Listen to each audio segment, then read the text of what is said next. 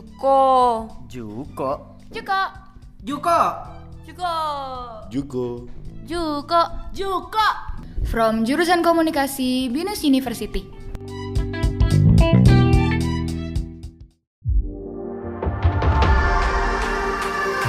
Opsius. Onion, obrolan Juko. Halo teman-teman, kembali lagi di Opsius, obrolan serius pastinya cuma di obrolan Juko. Dan kali ini episode hari ini ditemenin sama mana saya dulu. Dan kita bakalan ngebahas salah satu topik yang mungkin relate banget ya. Yang bakalan dilakuin sama mahasiswa komunikasi yang sebentar lagi bakalan ngambil 3 plus 1 enrichment program. Dan kali ini topik yang akan kita bahas adalah magang seru atau merepotkan sih? Dan kali ini mana saya nggak sendiri karena udah ditemenin sama salah satu dosen komunikasi pastinya, yaitu adalah Miss Siti Nadia. Halo Miss. Halo, apa kabar? Oke. Mungkin boleh kenalin dulu deh Miss. Miss Siti Nadia ini uh, siapa? Terus mengajar di jurusan komunikasi khususnya mata kuliah apa nih Miss? Oke, halo teman-teman semua. Nama saya Nadia. Saya merupakan salah satu dosen di jurusan komunikasi. Ngajarnya mostly ke PR, tapi juga ke digital journalism. Tapi kalau broadcasting enggak. Dan selain dosen, saya juga uh, enrichment coordinator, yaitu untuk mengurus anak-anak yang enrichment.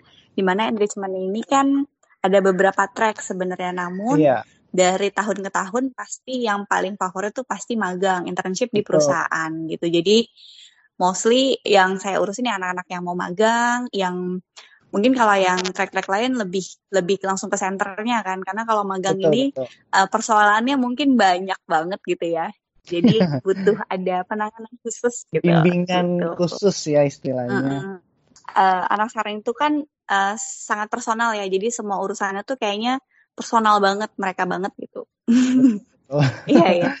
Kalau misalnya boleh tahu nih Miss, Miss jadi koordinator enrichment program ini udah berapa tahun sih Miss? Saya dari eh, 2014 berapa tahun tuh? 6 tahun ya berarti ya. Wow, berarti udah lama ya Miss. Ya semenjak saya masuk Binus saya udah ngurusin magang sih gitu. Gimana nih Miss kesan pesannya selama jadi koordinator magang ngelihat anak-anaknya yang lagi berproses untuk ke enrichment magang tuh gimana Miss? Eh, seru sih ngelihat mereka galau-galaunya, terus eh, bingungnya.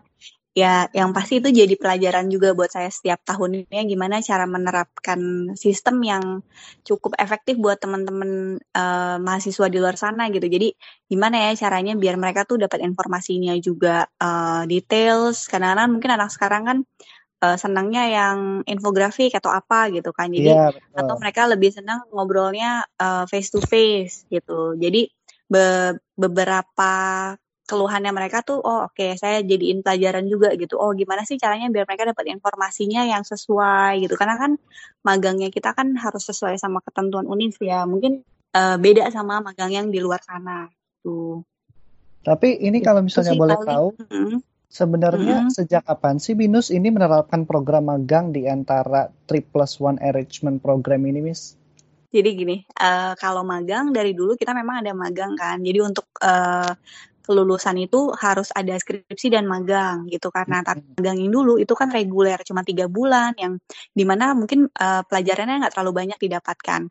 Nah melalui enrichment program ini mahasiswa magang tuh SKS-nya lebih banyak 16 SKS. Jadi mereka benar-benar full eh, kuliahnya di mag- tempat magang di industri Di gitu kan. Jadi benar-benar lah ya. Iya di perusahaan gitu. Jadi makanya em, sangat eh, fokus eh, untuk mengembangkan keterampilannya mereka secara soft skill maupun hard skill gitu. Oke, berarti udah cukup lama ya Binus menerapkan magang di 3 plus 1 enrichment program ini.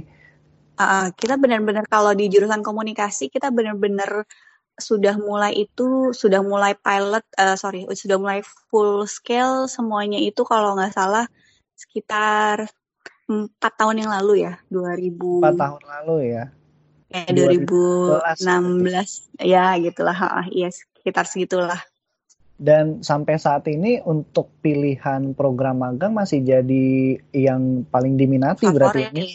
Iya, ya? jelas. Iya, selalu jadi favorit gitu. Kenapa sih uh, program magang ini Miss diambil menjadi pilihan mahasiswa untuk menjalankan Trip Plus One Enrichment Program? Uh, mungkin ada dua ya kalau menurut saya kenapa uh, enrichment up untuk internship track ini sangat diminati. Yang pertama memang mereka melihat uh, lebih banyak pengalamannya gitu kan kalau di industri.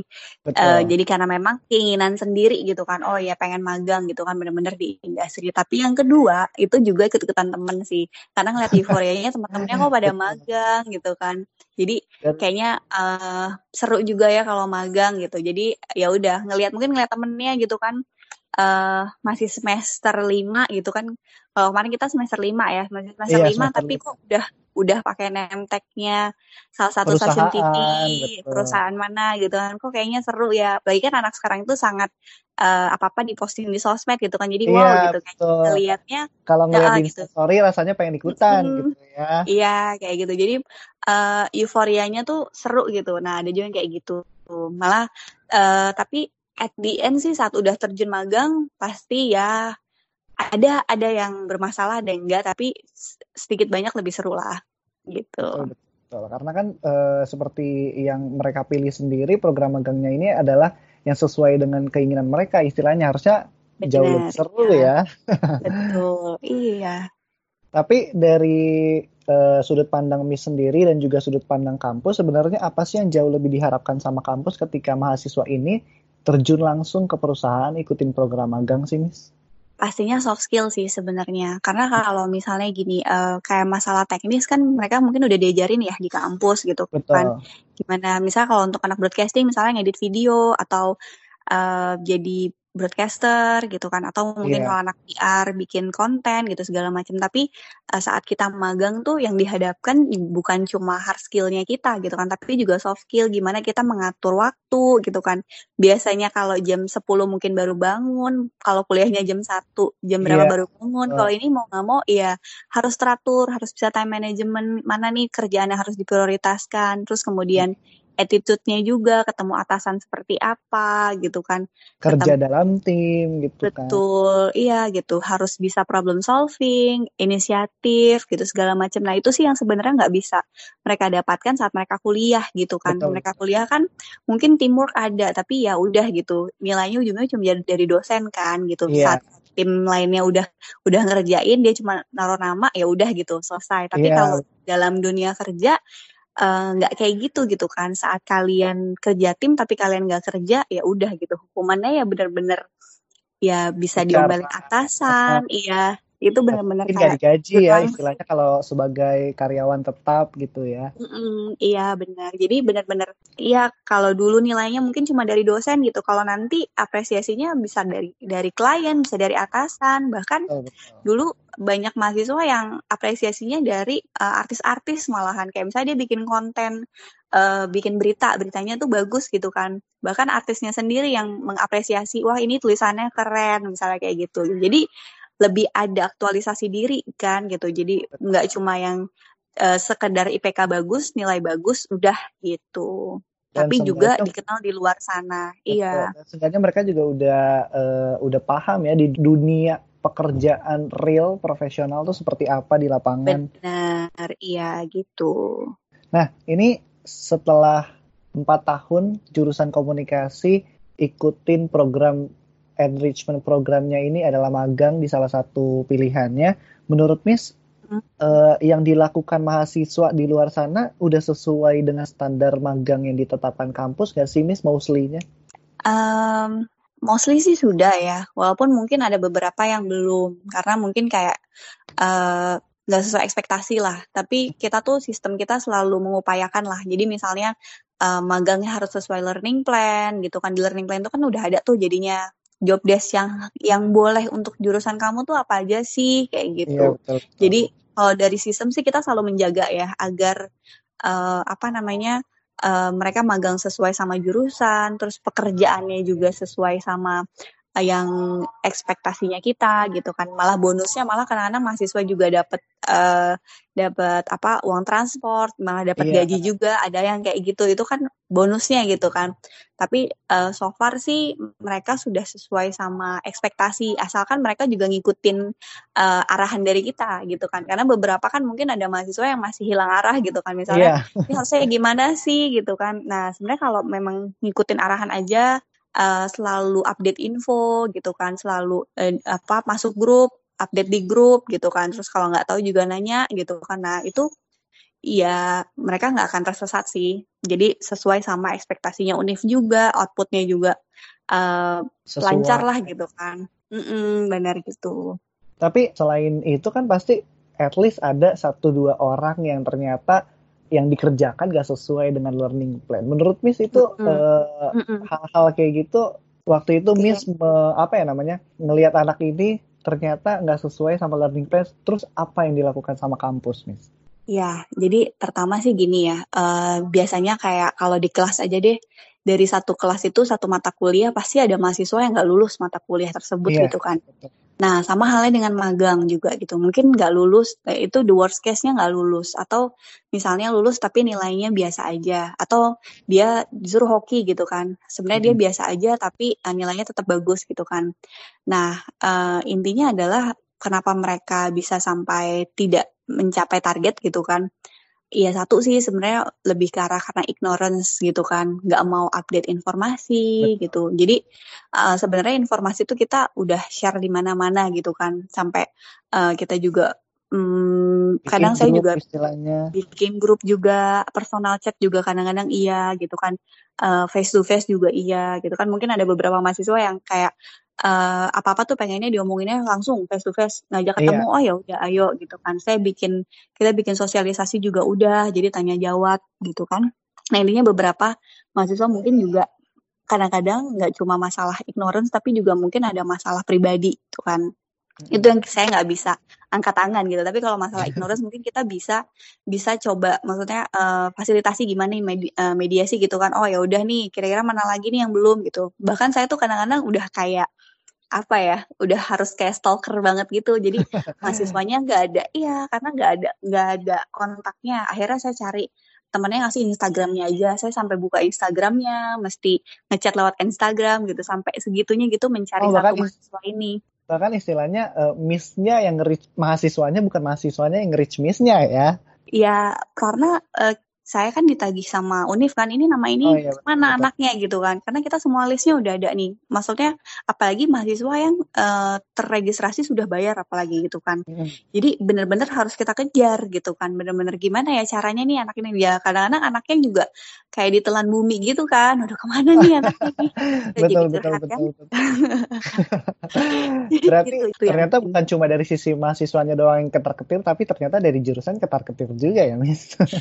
Iya karena karena uh, itu masuk ke KPI kita sih ya kelihatan dapurnya ya. Jadi memang benar-benar anak-anak ini ya mau nggak mau uh, tugasnya saya harus ngejar sampai anak ini dapat tempat magang gitu. Tapi kan mungkin ada mahasiswa nih sih yang ngambil perusahaannya di luar dari istilahnya kenalannya binus yang ada di binus karir. Itu gimana sih caranya kampus untuk ngeliat ke perusahaannya ya, bukan ke mahasiswanya, apakah yang dilakukan sama perusahaannya ini tuh udah bener kepada mahasiswa yang ikut magang di perusahaan mereka? Ya, oke. Okay. Jadi um, memang ada dua cara untuk memilih perusahaan. Yang satu memang uh, partner dari BINUS yang sudah terdaftar, yang udah dari BINUS Internship Center ya, nah sekarang namanya, hmm. atau company recommendation, di mana itu adalah rekomendasi dari perusahaan itu sendiri. Nah, kalau company recommendation biasanya kita ada uh, mahasiswa itu harus uh, meminta perusahaan mengisi partisipan form. Di hmm. situ tertulis tuh perusahaannya namanya apa, data-data perusahaannya, kemudian kira-kira uh, job desknya sudah sesuai apa belum, nanti diserahkan ke saya, saya cek kalau udah sesuai udah. Gitu. Yang penting dan mereka harus memberikan acceptance letter secara formal dari perusahaan gitu. Biasanya perusahaan akan ngasih tuh Mm, untuk, untuk uh, anaknya resmi ya. masuk sebagai internship ya. member ya. Iya, betul. Karena uh, kadang tuh ada beberapa perusahaan yang misalnya perusahaannya, um, sorry tuh saya ya gitu kan, eh, perusahaan-perusahaan yang mungkin belum settle gitu kan. Jadi di tengah-tengah mereka tiba-tiba bangkrut, oh, terus atau iya, tiba-tiba, nah kalau udah uh, kalau udah kayak gitu kan kita juga agak wah anaknya mau gimana nih gitu, mau ke mana gitu kan. Betul, betul. Jadi kita memastikan perusahaannya itu memang real adanya gitu kan. Dan uh, kerjaannya juga kita harus memastikan kalau di situ harus mereka di partisipan form itu perusahaan harus tulis ini job desk-nya apa, nanti supervisornya siapa. Jadi kalau misalnya nanti pas hari H masuk mahasiswa ternyata misalnya uh, job desk-nya tidak sesuai gitu kan nanti bisa diskusi lagi kan jadi setiap mahasiswa itu tuh ada pembimbingnya dua ada iya. supervisor yeah. dari perusahaan dan dosen pembimbing nah Betul. nanti bisa diskusi antara uh, mahasiswa dosen pembimbing dan site supervisornya kira-kira nih uh, kok kemarin kayaknya job desk-nya nggak sesuai ya sama learning plan ini harus dikasih project apakah gitu biar memenuhi apa ya kriteria yang di dibutuhkan sama UNIF gitu. Tapi hmm. usaha apa lagi sih yang biasanya kampus lakukan ini hmm. untuk meyakinkan perusahaan kalau misalnya anak-anak binus nih bisa kok e, bekerja sesuai standar karyawan. Karena kan biasanya masih banyak perusahaan yang mikir ah anak magang bisa apa sih hmm. gitu. Hmm. Hmm. Gimana sih caranya kampus gitu, Miss? Nah, ini pasti kita balik dulu sih anak-anaknya. Um, iya, pasti anak-anaknya dibekali dulu gitu kan. Jadi uh, jadi kita sebelum biasanya kalau mahasiswa magang di semester uh, misalnya semester ganjil atau genap gitu ya, di semester yeah. berikutnya kita kasih beberapa mata kuliah yang memang mengajarkan mereka untuk profesional di dunia industri seperti apa kayak gitu. Jadi bener-bener anak ini kita persiapkan dulu. Terus kita beberapa kali, maksudnya ngadain seminar misalnya tanya jawab terkait uh, dunia magang seperti apa, kayak gitu. Jadi saat teknik interview juga gitu kan. Jadi memastikan anak ini tuh bisa bener-bener dilepas di luar sana gitu. Karena kan mereka kan juga membawa nama univ ya, membawa nama jurusan gitu kan. Saat mereka juga nggak perform, yang dilihat kan nggak cuma mahasiswanya, tapi juga uh, alma maternya. Iya gitu kan, jurusannya gitu kan. Jadi uh, ya mungkin awal-awal dulu masih sering ya saya dapat suka dapat komplain gitu kan yang di mana oh wah kalau kalau ada anak bermasalah tuh pasti ada komunikasi gitu kan. Iya pada akhirnya maksudnya kita menunjukkan juga gitu walaupun ada masalah tapi kita juga tetap bisa berkarya gitu kan. Betul. Ya nobody's perfect walaupun nah. pada akhirnya maksudnya uh, ya udah dari kesalahan itu oh oke okay, komplainnya terkait apa nih gitu. Komplain itu semuanya masuk loh ke saya. Jadi kayak ada mahasiswa yang bermasalah apa gitu kan tiba-tiba udah nyampe aja beritanya ke saya gitu kan. Iya iya iya iya. Ya udah. Jadi uh, uh, kerjaan saya itu at the end untuk uh, ya silakan mahasiswa dibekali apa dulu gitu. Nah, the nextnya kalau memang sudah ada komplain kayak gitu, biasanya saya akan keliling tuh ke perusahaan-perusahaan ya kalau minta maaf kalau memang anaknya uh, kurang agak kurang-kurang gitu kan. Tapi di sisi lain kita juga kadang uh, tetap mengadakan visitasi ke beberapa uh, apa perusahaan, perusahaan, mau ada atau nggak ada masalah. Ya jadi kita benar-benar uh, bangun hubungan yang baik juga sama perusahaan dari jadi uh, biasanya beberapa dosen pembimbing juga ikut uh, visitasi ke mas ke tempat perusahaan anaknya magang gitu, anak bimbingannya magang gitu. Jadi uh, kenalan sama perusahaannya, sama supervisornya. Jadi saat hubungannya udah baik gitu kan, oh ya udah mereka juga percaya sama kita dan mereka uh, melihat bahwa kok kampus ini banget ya uh, serius banget uh. ya menangani anaknya magang ini gitu. Nah, Karena sampai disamperin gitu kan. Iya, itu dia uh, yang menarik dari magang kemarin. Saya juga sempat dengar dari teman-teman ternyata disidak ya dalam tanda petik tiba-tiba uh, pihak binus datang ke kampus. Ini sebenarnya uh, sebuah jadwal yang iya iya yang apa iya, namanya benar, udah direncanakan atau memang pada saat itu pengen datang aja gitu Miss ke perusahaan. Gimana Miss uh, proses sidak ini dari kampus ke perusahaan-perusahaan Miss? Iya iya. Uh, beberapa sih misalnya kalau memang kita udah kenal sama uh, kita biasanya kan dari dari learning plan itu kan kita udah ada kontak supervisornya ya hmm. jadi kita bisa uh, kita udah jadwalin gitu kan oh udah ketemuan sama sama site supervisornya nanti tapi kita nggak bilang sama mahasiswanya atau mungkin bisa melalui mahasiswa sih tapi kalau misalnya saat kita nggak bilang sama mahasiswa ya udah uh, paling nanti kita bilang kan nanti kita mau ke sana ya, tapi kita nggak bilang kapannya gitu. Oh iya ya Miss gitu. Iya, Jadi iya. memastikan nih saat kita datang mahasiswanya memang benar-benar kerja Lagi gitu kan. kerja gitu istilahnya. Iya gitu kan. Dan eh, kadang sih justru perusahaan yang kita datangin itu mereka malah jadi lebih respect gitu sih sama mahasiswanya karena mereka tahu mereka benar-benar eh, dititipkan gitu kan sama UNIF untuk benar-benar eh, bisa mendapat ilmu di sana gitu. Betul, betul, betul. Tapi ada kejadian menarik nggak sih, Miss, waktu lagi eh, company visit itu ke beberapa perusahaan yang Hmm, mahasiswanya datang, terus ada pengalaman yang ternyata, wah, ternyata anak-anak ini malah ngapain gitu. Pernah nggak, Miss? iya.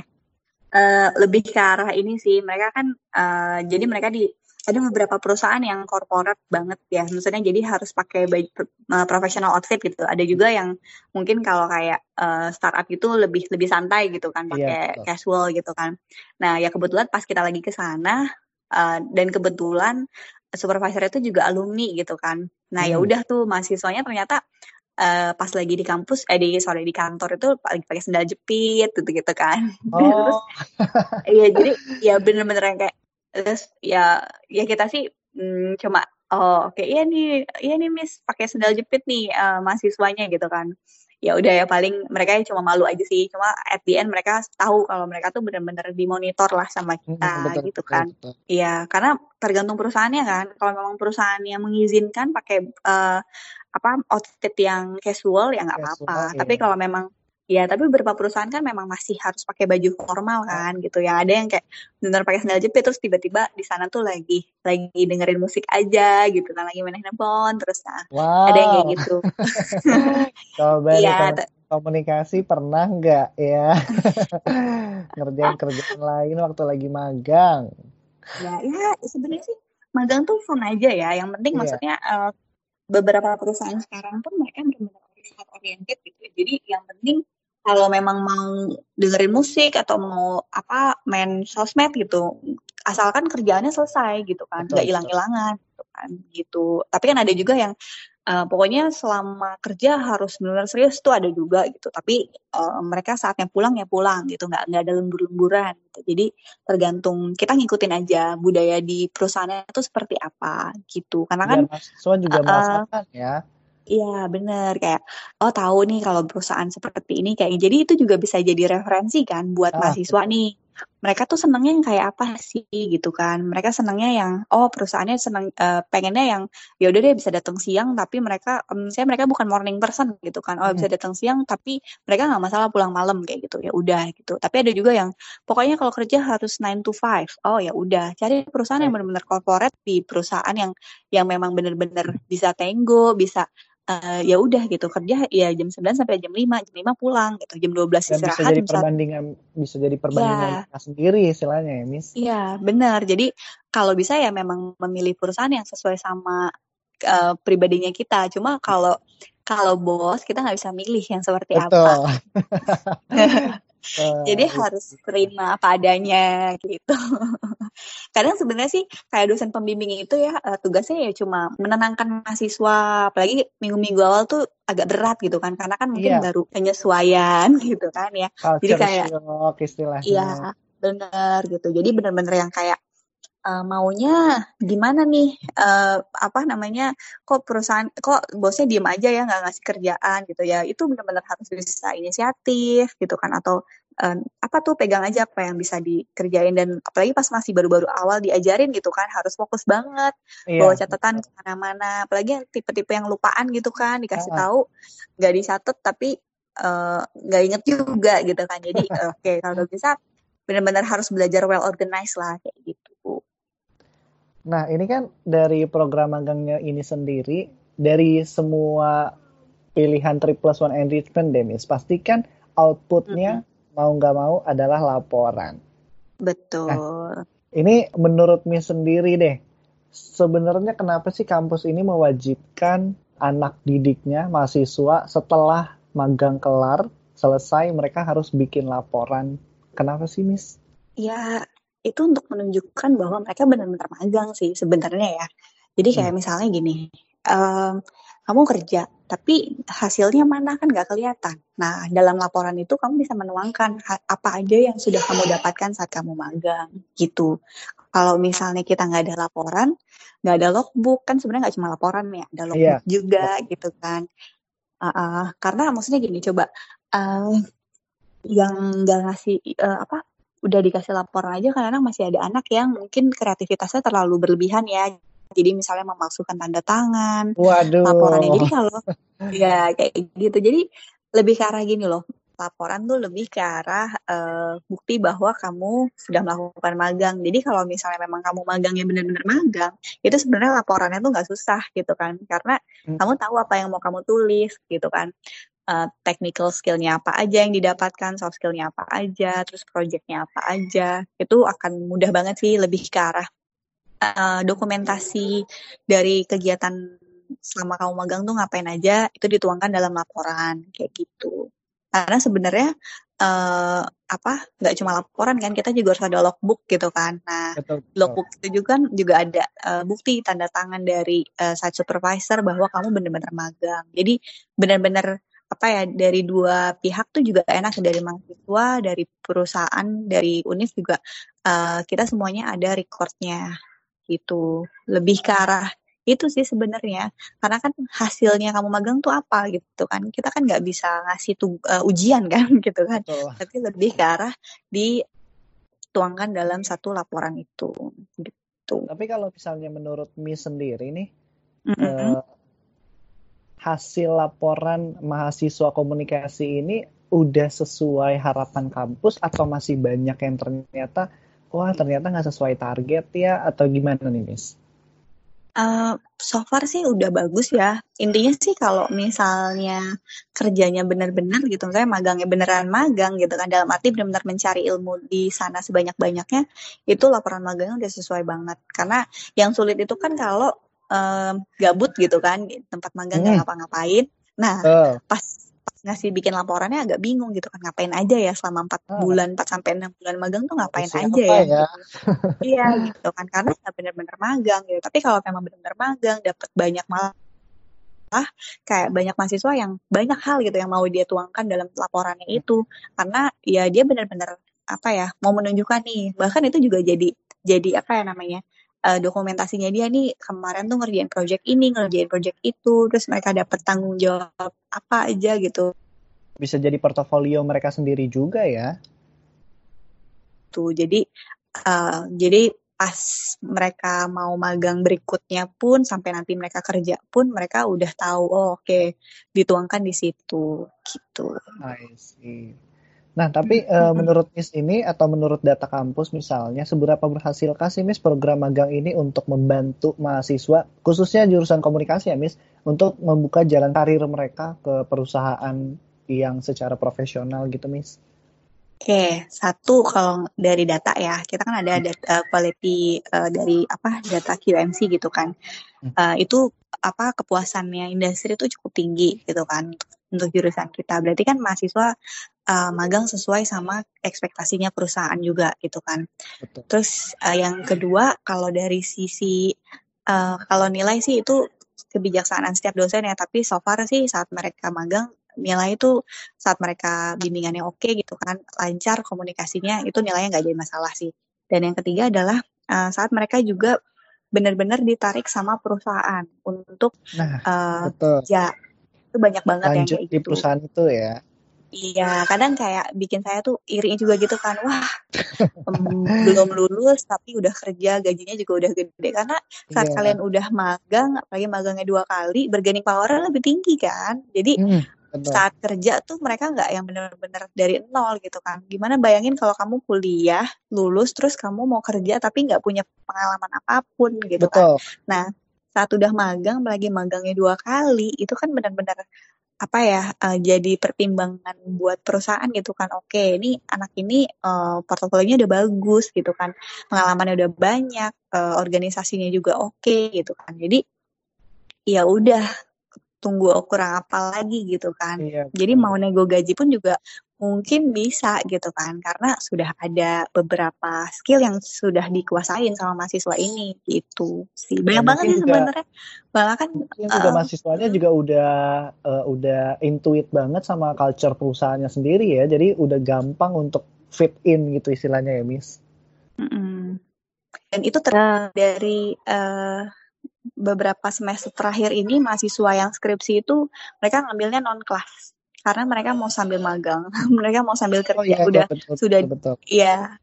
Karena yang dulu-dulu kan kita uh, kelas skripsinya yang kelas masih banyak ya. Sekarang tuh hmm. mostly mereka maunya non kelas karena mereka sambil ngelanjutin di tempat magangnya gitu. Jadi kayak mungkin karena udah um, itu aja gitu kan cuma paling bimbingan setiap minggu aja gitu. Jadi daripada mereka nganggur juga mendingan mereka magang. Dan uh, mereka yeah. juga sudah digaji seperti karyawan mostly kayak gitu. Jadi oh ya udah. Karena kan itu kan menunjukkan bahwa uh, perusahaan sudah puas gitu kan sama kinerjanya mereka gitu. Betul betul. Nah pertanyaan terakhir nih Miss. Sebagai koordinator magang di jurusan komunikasi apa sih pesan Miss untuk mahasiswa nih yang di luaran sana? Mungkin juga yang sekarang lagi dengerin obrolan Juko ini ya. Yang sebentar hmm. lagi bakalan masuk ke dunia magang. Pesan-pesan apa yang pengen Miss sampaikan ke mereka dari sisi kampus dan juga dari sisi Missnya sendiri sebagai koordinator magang? Boleh Miss? Oke, satu kalau dari kampus ya pastinya uh, uh, ikutin arahan aja dari kita. Jadi kalau disuruh disuruh ikut sosialisasi ikut gitu kan.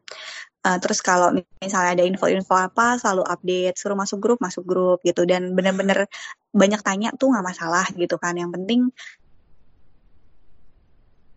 informasi gitu kan tuh kalau dari sisi kampus pokoknya ikutin semua arahan yang diberikan sama kampus itu niscaya hidupnya tidak akan tersesat gitu ya Betul. nah uh, intinya uh, gitu. Nah kalau dan sesuai learning plan yang pasti gitu kan. Jadi pilih perusahaannya juga yang yang jangan yang nah oh ini ada bapak saya di situ atau ada om ada siapa di situ gitu kan. Jadinya mag, uh, magang di situ padahal mereka sebenarnya nggak butuh tempat magang gitu kan. Eh sorry nggak yeah. butuh mahasiswa magang. Jadinya uh, ya udah kerjanya ya asal-asalan karena mereka sebenarnya nggak perlu. Jadi benar-benar cari lowongan lah gitu. Jangan cari perusahaan terus begging sama perusahaannya. Itu agak jadi agak gimana ya uh, maksa gitu kan. Mendingan benar-benar cari cari lowongan. Dan make sure ini sering banget itu terjadi adalah mahasiswa senang banget sama perusahaannya tapi dia nggak senang sama uh, jaraknya. Jadi pastikan oh, kalau yeah. memang kalian Iya kalian tuh ada masalah sama oh nanti transportnya mahal ininya mahal gitu oh ya udah. Mendingan benar-benar pilih yang sesuai sama kebutuhan gitu kan. oh, betul. gitu. Walaupun mau perusahaan pengen banget perusahaan yang bagus tapi nggak mau jauh ya udah. Mendingan pilih perusahaan yang memang sesuai dengan kemampuannya gitu. Kan karena ada yang kayak yeah. gitu kan aduh di sana gojeknya mahal gitu kan. Naik ojeknya mahal nggak mau. Oh ya udah gitu. Uh, akhirnya stop di tengah jalan. Nah intinya itu juga uh, pastikan tempat magangnya itu benar-benar yang kalian mau gitu kan. Jadi jangan sampai uh, memaksakan diri pengen di tempat mana gitu kan. Tapi nggak sanggup karena hal-hal teknis misal itu sih nggak enak hmm. banget kalau dari saya yang pasti itu kalau dari kampus saya sesuai arahan gitu. Kalau dari saya sih lebih lebih harus lebih uh, jaga manner juga ya gitu kan karena kan membawa nama kampus, membawa nama jurusan gitu. Jadi kadang-kadang maksudnya um, apa ya? Uh, sekarang tuh udah mulai uh, beresin LinkedIn-nya, sosmed-sosmed yeah. yang aneh-anehnya udah mulai diberes-beresin gitu kan. Karena kan sekarang itu kan juga uh, uh, apa yang dilihat juga dari sosmednya kan. Ini dia bikin kontennya yeah. bagus apa enggak. Jadi mulai bikin konten yang uh, mungkin uh, lebih informatif kayak itu tuh juga nggak mas eh, maksudnya bisa jadi uh, bahan pertimbangan perusahaan juga gitu kan. Sih yang pasti apa ya sering-sering uh, update informasi juga sih Jangan yeah. lupa follow Instagram kita, ya. di situ kita suka ngasih informasi-informasi, ya uh, di apa uh, Instagram jurusan komunikasi. Soalnya kita kan akan nge-share nge-share beberapa informasi di sana kan, yeah. dan di grup juga gitu kan. Jadi ya pastikan tidak ketinggalan informasi sih. Oke deh, berarti itu semua pesan dari Miss Nadia buat teman-teman yang mungkin sebentar lagi atau sedang melakukan program magang ya jadi jangan takut untuk magang karena udah seru banget. Jadi buat teman-teman yang pengen ikut program magang, serius, yang penting serius ya Miss ngerjainnya ya Miss. Iya, serius dan sesuai passion lah. Kalau anak sekarang bilangnya ngomongin passion gitu ya. Karena kalau sesuai sama keinginan kan pasti dijalaninnya juga lebih uh, menikmati gitu. Oke deh. Dari tadi kita udah ngobrol-ngobrol seru barengan sama Miss Nadia tentang program magang dan ini juga menjadi akhir dari pembicaraan kita. Thank you banget buat Miss Nadia yang udah mau Sama-sama. ditanya-tanya ya. Semoga ini informasinya bisa jadi referensi buat mahasiswa komunikasi pastinya untuk uh, referensi mereka di program magang selanjutnya ya, Miss. Betul, semoga membantu ya dan tidak oh. menyesatkan. Pasti informatif kok, Miss. Thank you sekali lagi buat Nadia. Ya, sama-sama. Sampai ketemu teman-teman di obrolan serius selanjutnya. Mana saya pamit undur suara. Bye-bye. Opsius. Onion, obrolan Juko.